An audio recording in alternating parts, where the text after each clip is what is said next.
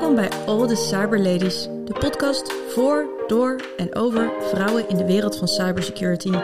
Mijn naam is Lucinda Sterk.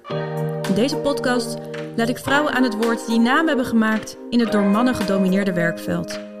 Luister naar hun verhalen en leer van hun ervaringen. Dit is All the Cyber Ladies.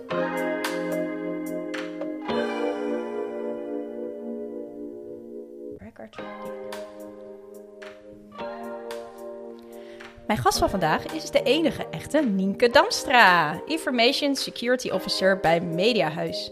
Ze is bevlogen op het gebied van wachtwoordbeleid en responsible disclosure.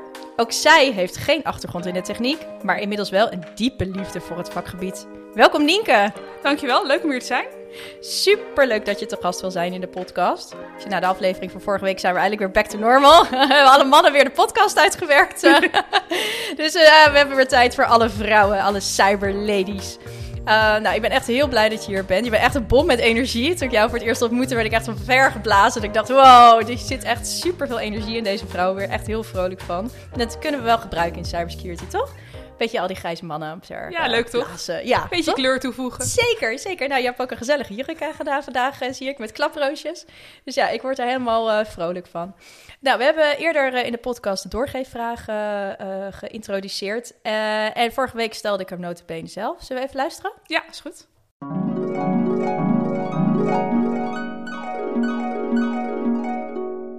Mijn vraag is, wat zou jij graag veranderd willen zien in cybersecurity over vijf jaar? Dus wat, wat is, vinden wij nu nog normaal in cybersecurity? En wat over vijf jaar is gewoon totaal veranderd? Wat goed, joh. Alles zijn op het gebied van AI-technologie, maar ook op het gebied van inclusiviteit. Ja. Um, nou ja, verzin het maar. Uh, nou, voordat we antwoord gaan geven op die vraag, wil ik natuurlijk eerst jouw vraag horen voor de volgende Cyberlady. Ja, waar ik eigenlijk wat ik vaak tegenkom bij andere vrouwen in het vakgebied en ook wel bij sommige mannen, is het idee van imposter syndrome. Dus um, wat doe ik hier? Ik ben hier helemaal niet goed genoeg voor eigenlijk. Um, en ik denk dat je dat het beste kan oplossen door één erover te praten en um, je verhaal daarin te delen. En aan de andere kant denk ik ook dat we elkaar daar hele waardevolle tips in kunnen geven. Dus uh, ik ben heel benieuwd of voor de volgende Cyberlady of ze dat ooit heeft meegemaakt. En zo ja, wat zij zou uh, adviseren aan mensen die daarmee te maken krijgen. Nou, een hele mooie vraag. Ja, en, en heb je daar zelf mee te maken, Nienke? Altijd. Uh, ja?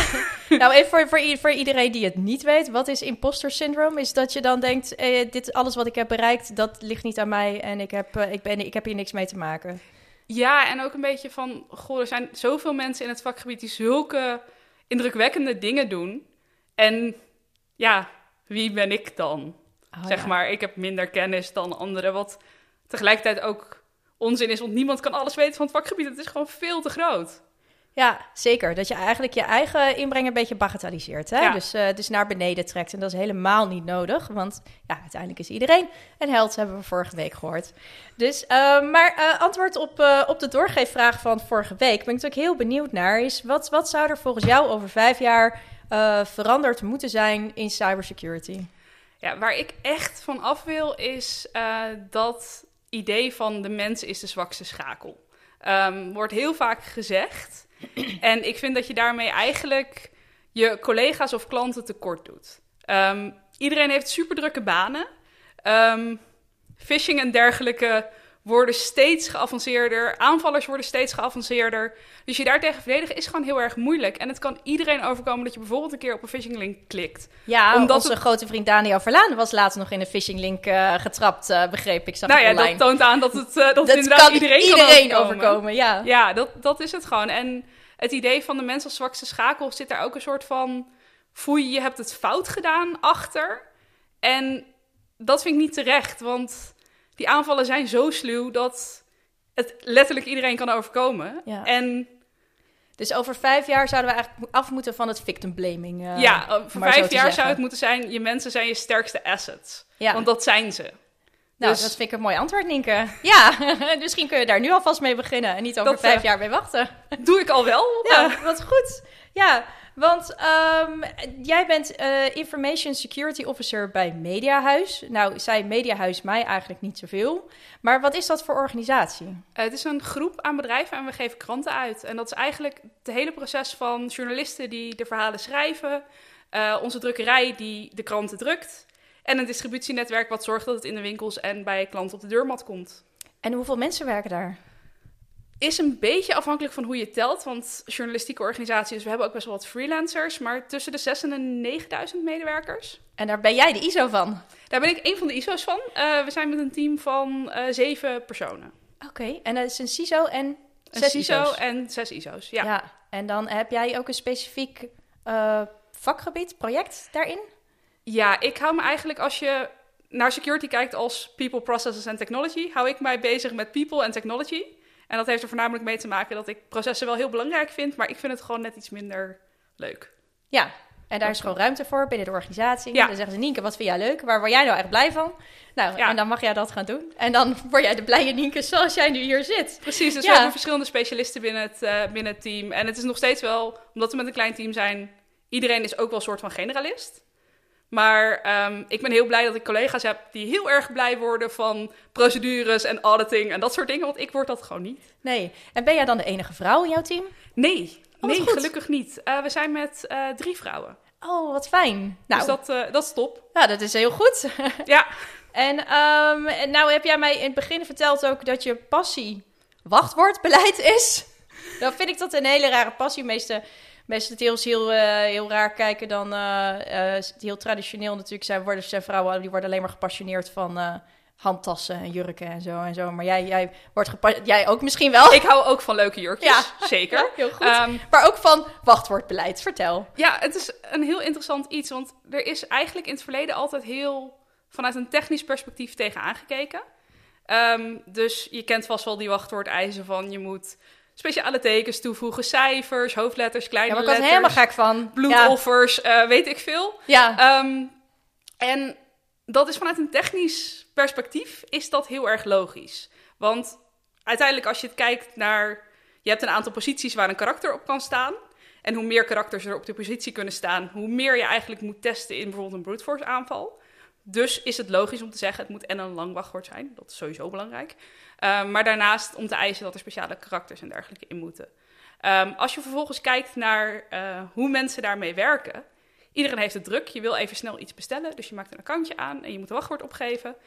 En wat doe je? Nou ja, ik hoop het niet. Maar welkom 01, paswoord 2022, uitroepteken. Uh.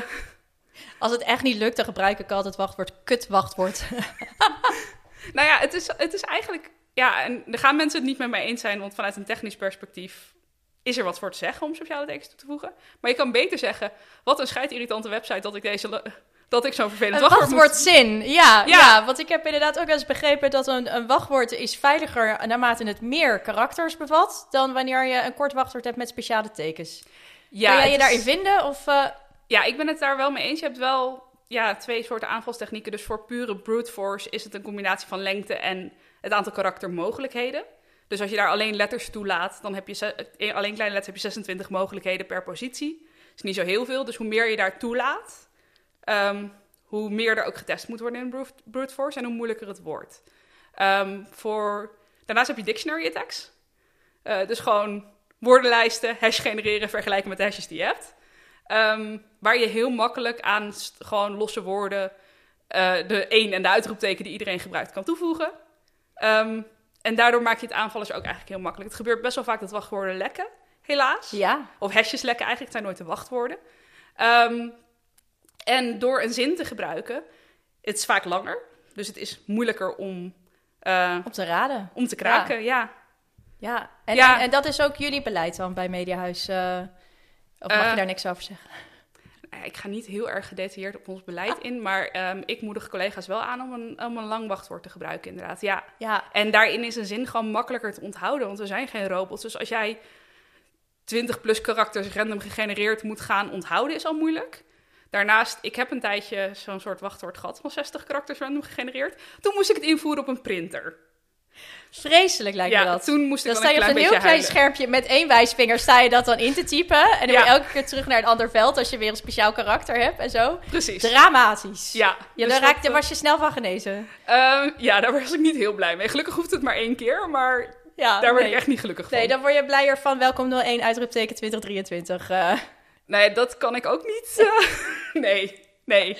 Nee, maar gewoon een goede, een goede wachtzin, daar word ik dan wel een stuk blijer van. En als je dan toch een applicatie zegt van je moet er per se een cijfer of een leesteken in, dan zou ik zeggen maak hem logisch in je zin. Ja, Ehm, dus bijvoorbeeld, ik, we hebben Ierse collega's. ehm, in Ierland wordt vrij veel thee gedronken. Mhm. Dus dan zijn dingen als, ehm, is eh 40 koppen thee per dag te veel? Vraagteken. Heb je, en dan kan je de 40 als cijfer schrijven. ja. Voldoe je aan alle eisen die er staan, maar heb je wel een wachtzin wat dus een stuk sterker is en nog te onthouden. Ja, ja want En dat is het probleem vaak, hè? Want we vergeten wachtwoorden en Ja. dan ga ik ze opschrijven of ik ga wachtwoorden hergebruiken. En dat is Precies. natuurlijk niet de Dan bedoeling. gebruik je overal hetzelfde. En Ja. dan eh, als LinkedIn een keer een lek heeft, dan eh, kan Ja. ik ook zeggen, goh, dus in dat LinkedIn wachtwoord was dat. Eens kijken of het voor de Instagram ook werkt, Ja, bijvoorbeeld. ja dat, daar is het ook herfst 2023 01 uitroepteken. Ja. Not. Maar eh nou we het toch over awareness hebben, want jij, jij, jij speelt dan heel leuk in op, eh, op de achtergrond van de medewerkers eh, eigenlijk. Is, is dat ook onderdeel van jouw, jouw dagelijks werk? Om mensen met een beetje een knipoog aware te maken van de cyberrisico's? Ja, ja, zeker. Ik hou me dus bezig met technologie en awareness. Ehm, en het awareness stuk vind ik het vooral heel belangrijk dat we een positieve boodschap eh, brengen naar onze collega's. Ehm, dus wat ik al zei in het eerdere stuk over phishing. Niet de foei, je hebt op een phishing link geklikt en dat kan echt niet. En nou is door jouw schuld zijn we gehackt of zo. Ehm, maar in plaats daarvan gewoon een positieve boodschap. En als je iets hebt gedaan waarvan je denkt, oh, dat was misschien niet zo heel erg handig. Dat kan, dat kan gebeuren. Dus meld het gewoon. Je krijgt van ons echt geen straf of zo. Eh, Oké. Maar het is veel nuttiger als we dat Zijn weten. mensen daar echt bang voor dan? Dat ze echt straf krijgen? Dat ze worden gekort op hun salaris of zo? Als ze op een phishing link hebben geklikt? ik, of, ik eh, hoop het niet. ik hoop echt niet dat dat bij andere bedrijven zo is. Ik eh, hoop niet nee. dat, dat het bij bedrijven zo is, maar je hoort wel af en toe over angstculturen. En ik weet niet of dat dan, dan per se ook security gerelateerd is, maar dat Ja. moeten we sowieso niet willen. Nee, nee, niet inderdaad dat mensen al een beetje angstig zijn op de werkvloer. En dat als ze dan een keer iets fout doen, dat ze dan dat helemaal niet durven melden. Want dat Nee, is het laatste wat je wil. Want iedereen Ja. maakt wel eens een foutje. Ja, ja, jij en ik ook. Ja, zeker. Ja, heb je een voorbeeld wat je zo Eh, wilt delen? Ja, dat, dat is inmiddels wel opgelost. Maar ik heb in mijn, ergens in het begin van mijn carrière wilde ik een netwerkscan uitvoeren. En toen ging de helft van het netwerk neer. Dat was een beetje jammer. Ja, nou ja, foutjes maken we allemaal, Nienke, heb ik gehoord. Ja, en vervolgens ben ik ook gewoon naar mijn leidinggevende gegaan van... Hey, eh, funny story. en hoe En het reageerde was, die? het was snel opgelost. Maar Ja. ja, ja dat was gewoon... Ja, kan gebeuren. Ja, Dat- ja, kan gebeuren. Nienke. en we moeten nu Allemaal. gaan puzzelen hoe we het beter kunnen inregelen, die scan. Zodat dit niet nog een keer gebeurt. Ja, ja, nou wat fijn dat je dit zo wilt delen. Dat is wel, ik hoop dat dat ook andere mensen zeg maar over de streep trekt om gewoon eerlijker te zijn over hun security blunders. Eh, de, de- we noemen het geen blunder, security leermoment. Ja. Is dat een beter woord? Veel van geleerd. Ja, veel van geleerd. Oké. Eh, nou, dan hebben we het over je andere passie, responsible disclosure. Eh, leg nog even uit wat dat precies is. Ja, nee, je hebt natuurlijk Chantal gehad die bij, bij Zerocopter werkt. En er zijn meer van dat soort bug bounty responsible disclosure-achtige platformen.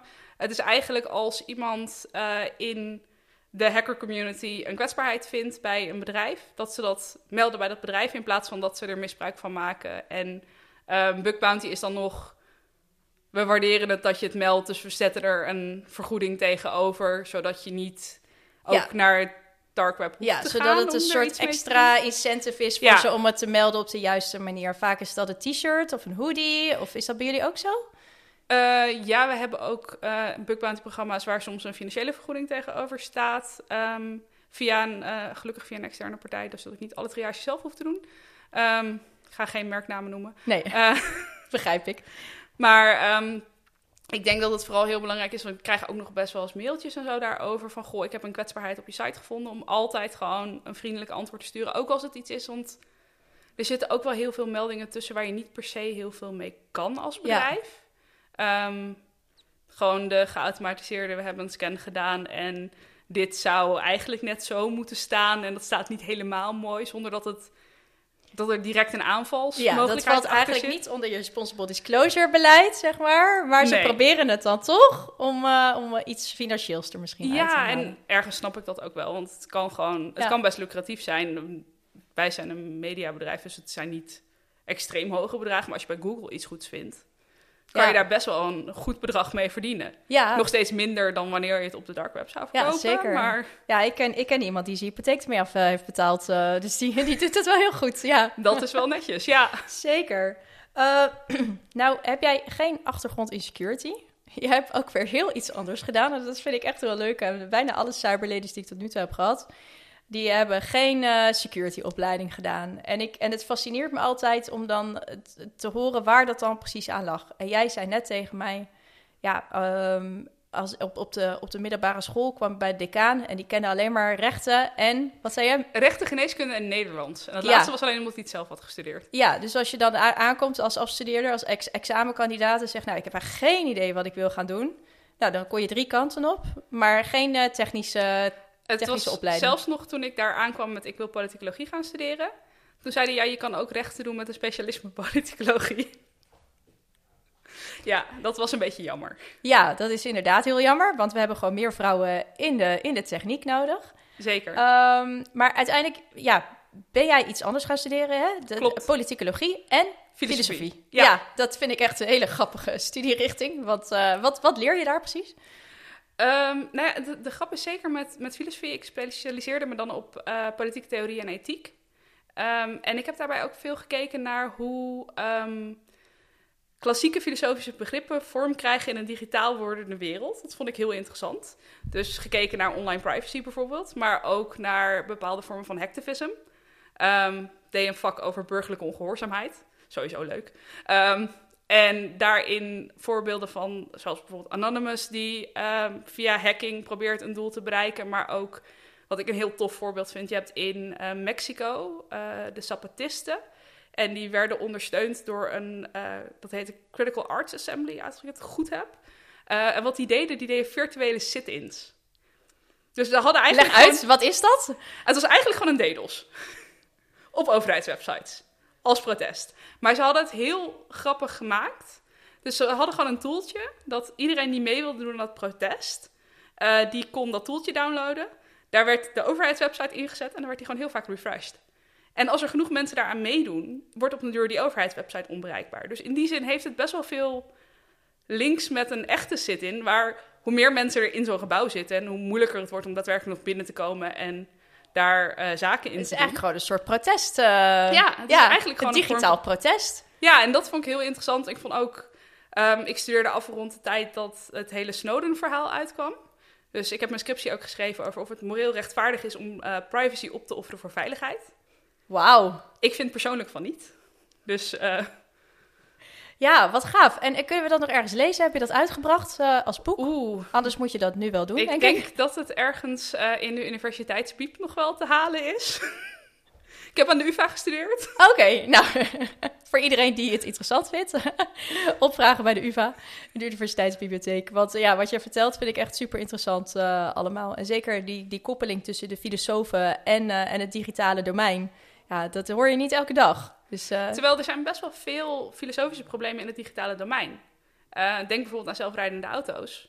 Ehm, de beslissingen die die nemen, ehm, of je bijvoorbeeld iemand aanrijdt of de bestuurder redt, dat is eigenlijk gewoon een trolley case. Een trolley case is een heel klassiek filosofisch probleem van je hebt een tramrails met een splitsing. oh Jij ja, staat bij de hendel. poppetjes, eh, die liggen En op de ene liggen er vijf, en op de andere liggen er één. Je hebt er allerlei variaties op. Eh, eentje die ik altijd wel grappig vind. Sta, je staat op een brug en naast je staat een heel dik persoon. En je weet zeker dat hij de trolley tegen gaat houden. Eh, en er liggen vijf mensen vastgebonden op de tramrails. En die krijg je er niet op tijd af. Ga je die man of vrouw, die persoon, ga je die naar beneden duwen, ja of nee? Ga je die opofferen voor het grotere geheel? Precies. Maar eigenlijk zijn met zelfrijdende auto's, heb, kom je dat soortzelfde dilemma's tegen bijvoorbeeld. Dat is de hele ethische discussie natuurlijk ook. Hè? En de Ja. AI-discussie ook natuurlijk. Is in hoeverre Zeker. kunnen wij vertrouwen op, op besluiten die een computer neemt eigenlijk. Hè? In hoeverre is de data die erin gaat ook non-biased? Ja, Is het volgens mij niet, maar ja. eh, ja, dus sowieso filosofen zijn nuttiger dan je denkt. Nou, dat begrijp ik nu. nee, dat wist ik al, Nienke. Maar... Gelukkig. Nee, ik vind het gewoon ontzettend leuk om te horen dat, uh, dat er vanuit zoveel verschillende achtergronden en opleidingen mensen toch die koppeling weten te maken naar uh, het digitale domein, de cybersecurity. En dan uiteindelijk daar ook hun werk in weten te vinden. En ik hoop ook uh, echt dat mensen luisteren en denken: Oh, ik heb geen, geen, geen security gestudeerd, ik heb geen IT-achtergrond, ik heb geen andere opleiding, maar ik heb echt heel iets anders gedaan. En dat je dan toch in, in de security kan komen. Ja, en ik denk ook dat we dat heel hard nodig hebben. Naast dat we echt wel de diehard nerds nodig hebben die het super tof vinden bijvoorbeeld malware te reverse engineeren. Um, die hebben we ook nodig. Die hebben zeker keihard nodig. Ja. Maar daarnaast is het ook zo waardevol als je bijvoorbeeld naar het wachtwoordenstuk kijkt. Dat je psychologen hebt die weten hoe mensen reageren op bepaalde eisen en op bepaald gedrag, op welk gedrag ze gaan ja. vertonen. Ja, daar was Inge van der Bel natuurlijk, uh, een van mijn vorige gasten, ook een ja. goed voorbeeld van. Hè, die kijkt ook heel erg naar het menselijke aspect en hoe mensen reageren op cybercrime en dergelijke. Ja. Uh, ik wil toch even terug naar jouw allereerste baan. Want uh, dat is ook een heel geinig verhaal. Jij bent dus begonnen als CISO. Nou, nou uh, zijn de meeste mensen die, die hebben dat halverwege hun functie of zo, een loopbaan, of die eindigen daarmee. Hè? Ja. Nou, nou begrijp ik ook dat dat de meest gestreste baan is in security. Want ik lees regelmatig interviews van mensen die echt helemaal aan het eind van hun Latijn zijn na drie maanden CISO. hoe was dat voor jou? Ja, dat uh, was wel even wennen. Um, ik was begonnen met een traineeship en ik had wel wat uh, security kennis. Ik had natuurlijk mijn scriptie geschreven over zo'n onderwerp. Uh, best wel wat vrienden die in de IT werken. Ik heb een tijdje bij Access for op de helpdesk gezeten, dus daar ook wel veel geleerd. Um, maar het is heel raar om tegelijkertijd trainee te zijn en eindverantwoordelijk voor security. Dat was een hele gekke positie om in te zitten. En eigenlijk ook niet heel verantwoord achteraf gezien. Um, mijn eerste week was zo'n leuk voorstelrondje en collega's leren kennen. En toen was er inderdaad een collega die zei... Ja, we moeten wel echt meer gaan pentesten. En ik zei, ja, ja, ja, dat, dat is heel belangrijk. En vervolgens ben ik naar huis gegaan en heb ik gegoogeld wat pentesten ook alweer was. Nou ben ik ook heel slecht in afkortingen en dingen en termen onthouden. Dus dat helpt ook niet. Hoe oud was je toen? Uh, 6, 27, zoiets. Oh ja, best wel jong nog echt. Ja. Ja, en ja. dan gelijk in zo'n heftige functie. Dat was, uh, ja, dus dat snap ik wel. Ja, dat, uh, ik, ik, heb ook toen ik daar weg ging wel gezegd van ja, ik vind het wel belangrijk dat het is prima om er een junior bij te hebben. Dat is heel goed. Um, we hebben nieuwe mensen nodig in het vakgebied. Het is goed om mensen op te leiden. Maar maak ze niet eindverantwoordelijk. En ik vind het voor mezelf ook heel belangrijk om in een team te werken waar ik met mensen kan sparren. En Ja. van andere mensen kan leren. Ja, en dat heb je nu. Zeker, ja. Dus dat is wel heel fijn. Um, nou, en een andere uh, vraag natuurlijk die ik ook heel belangrijk vind. Jij zegt net zelf, uh, nou, van de zeven mensen die bij Mediahuis verantwoordelijk zijn voor security, zijn er drie vrouwen. Wat, wat vind jij in zijn algemeenheid van de huidige verdeling man-vrouw binnen cybersecurity? Ja, dat kan nog steeds wel een stuk beter. Um, ik moet zeggen, ik was gisteren op een event waar echt heel veel vrouwen rondliepen. En um, dinsdag hielp ik een uh, collega met een summer school en daar waren ook de helft ongeveer vrouw. Dus dat is heel, vind ik een heel positief teken. Maar het gebeurt nog steeds wel vaak dat je op een congres binnenkomt en dat het eigenlijk allemaal mannen zijn van een bepaalde leeftijd. Dat, ja. ja, ja daar kunnen we heel uh, omslachtig over doen, maar dat is nou eenmaal zo. Ja, en ja. ik zeg ook niet dat je die allemaal moet ontslaan, absoluut niet. Nee, we hebben, ze, we hebben ze ook gewoon nog nodig. Absoluut, maar uh, we hebben ook gewoon meer mensen nodig in het vakgebied.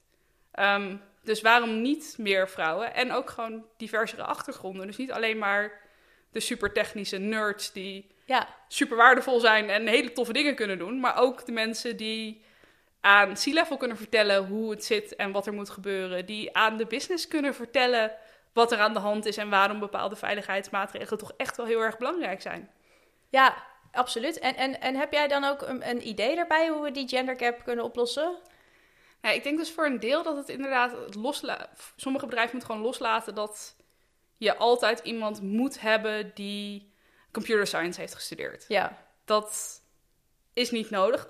Sterker nog, andere perspectieven en een mix daarin kan veel waardevoller zijn. Uh, ik denk dat dat al heel erg gaat helpen. En ja, toch kijken hoe we kunnen zorgen dat technische opleidingen ook interessanter worden voor meisjes. Um, ik denk dat er heel veel meisjes uh, zijn die er super goed in zullen zijn. Um, maar op een of andere manier vinden ze hun weg niet naar die opleiding. En dat heb is jij een idee hoe we dat kunnen oplossen?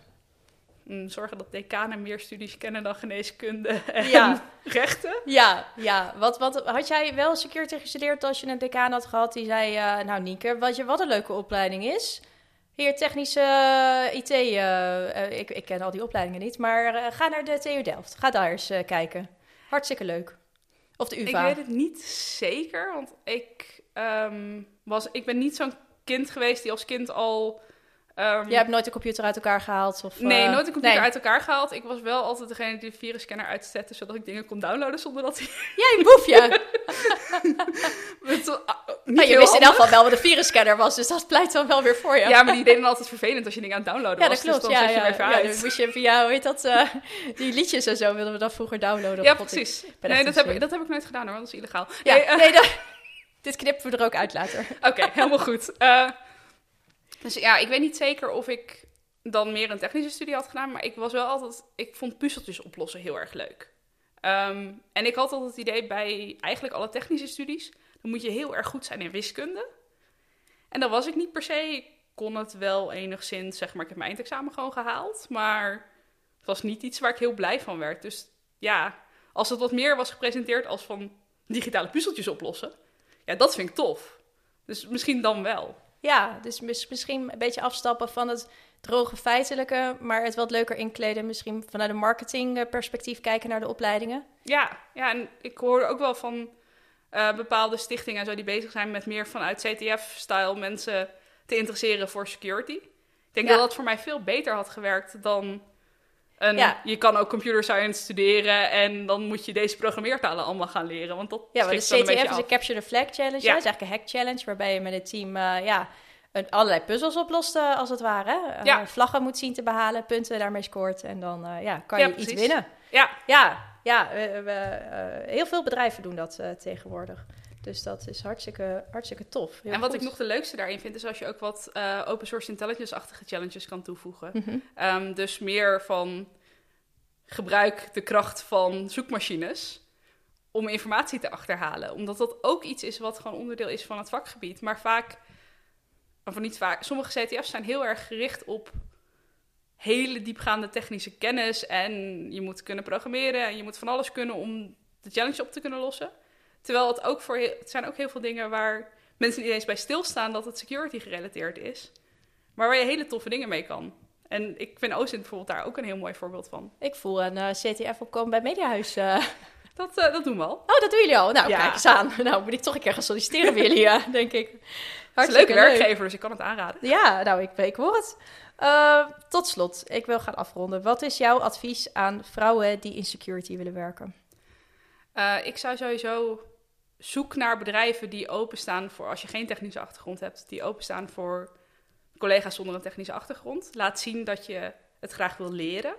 Ehm, persoonlijk, als ik aan de kant zit dat we mensen zoeken, vind ik een bereidheid om te leren en al laten zien dat je misschien al online wat cursussen hebt gedaan en zo, vind ik eigenlijk misschien nog wel belangrijker dan als je alles al weet of claimt alles te weten, want dat is in security eigenlijk niet mogelijk dat je alles weet. Ehm, en daarnaast kijk welke, welke onderdeel in het vakgebied je leuk zou vinden. Eh, heb je zoiets van, ik wil meer generalist. Ik vind het leuk om de vertaalslag te maken tussen eh, business en techniek bijvoorbeeld. Daar zijn functies in. Eh, maar als je zegt, ik wil graag pentesten en dat lijkt me echt heel tof. zijn ook functies in. En zoek dan ook misschien mensen op die doen wat jij wil doen. En neem daar eens contact mee op. Ehm, persoonlijk zou ik het best leuk vinden om af en toe een berichtje te krijgen van iets wat niet een recruiter of een salespersoon is. Sorry, recruiters en salespersonen. Maar bij deze, dames, dames en heren, ook die luisteren en interesse hebben, kunnen ze jou benaderen via LinkedIn. Eh, ja, dat, dat mag. Ja? zeker. Nienke Damstra. Ja. Zoek die naam op. En dan eh, gaan we nog veel van jou horen, denk ik. hey, dankjewel Nienke. Jij ook bedankt.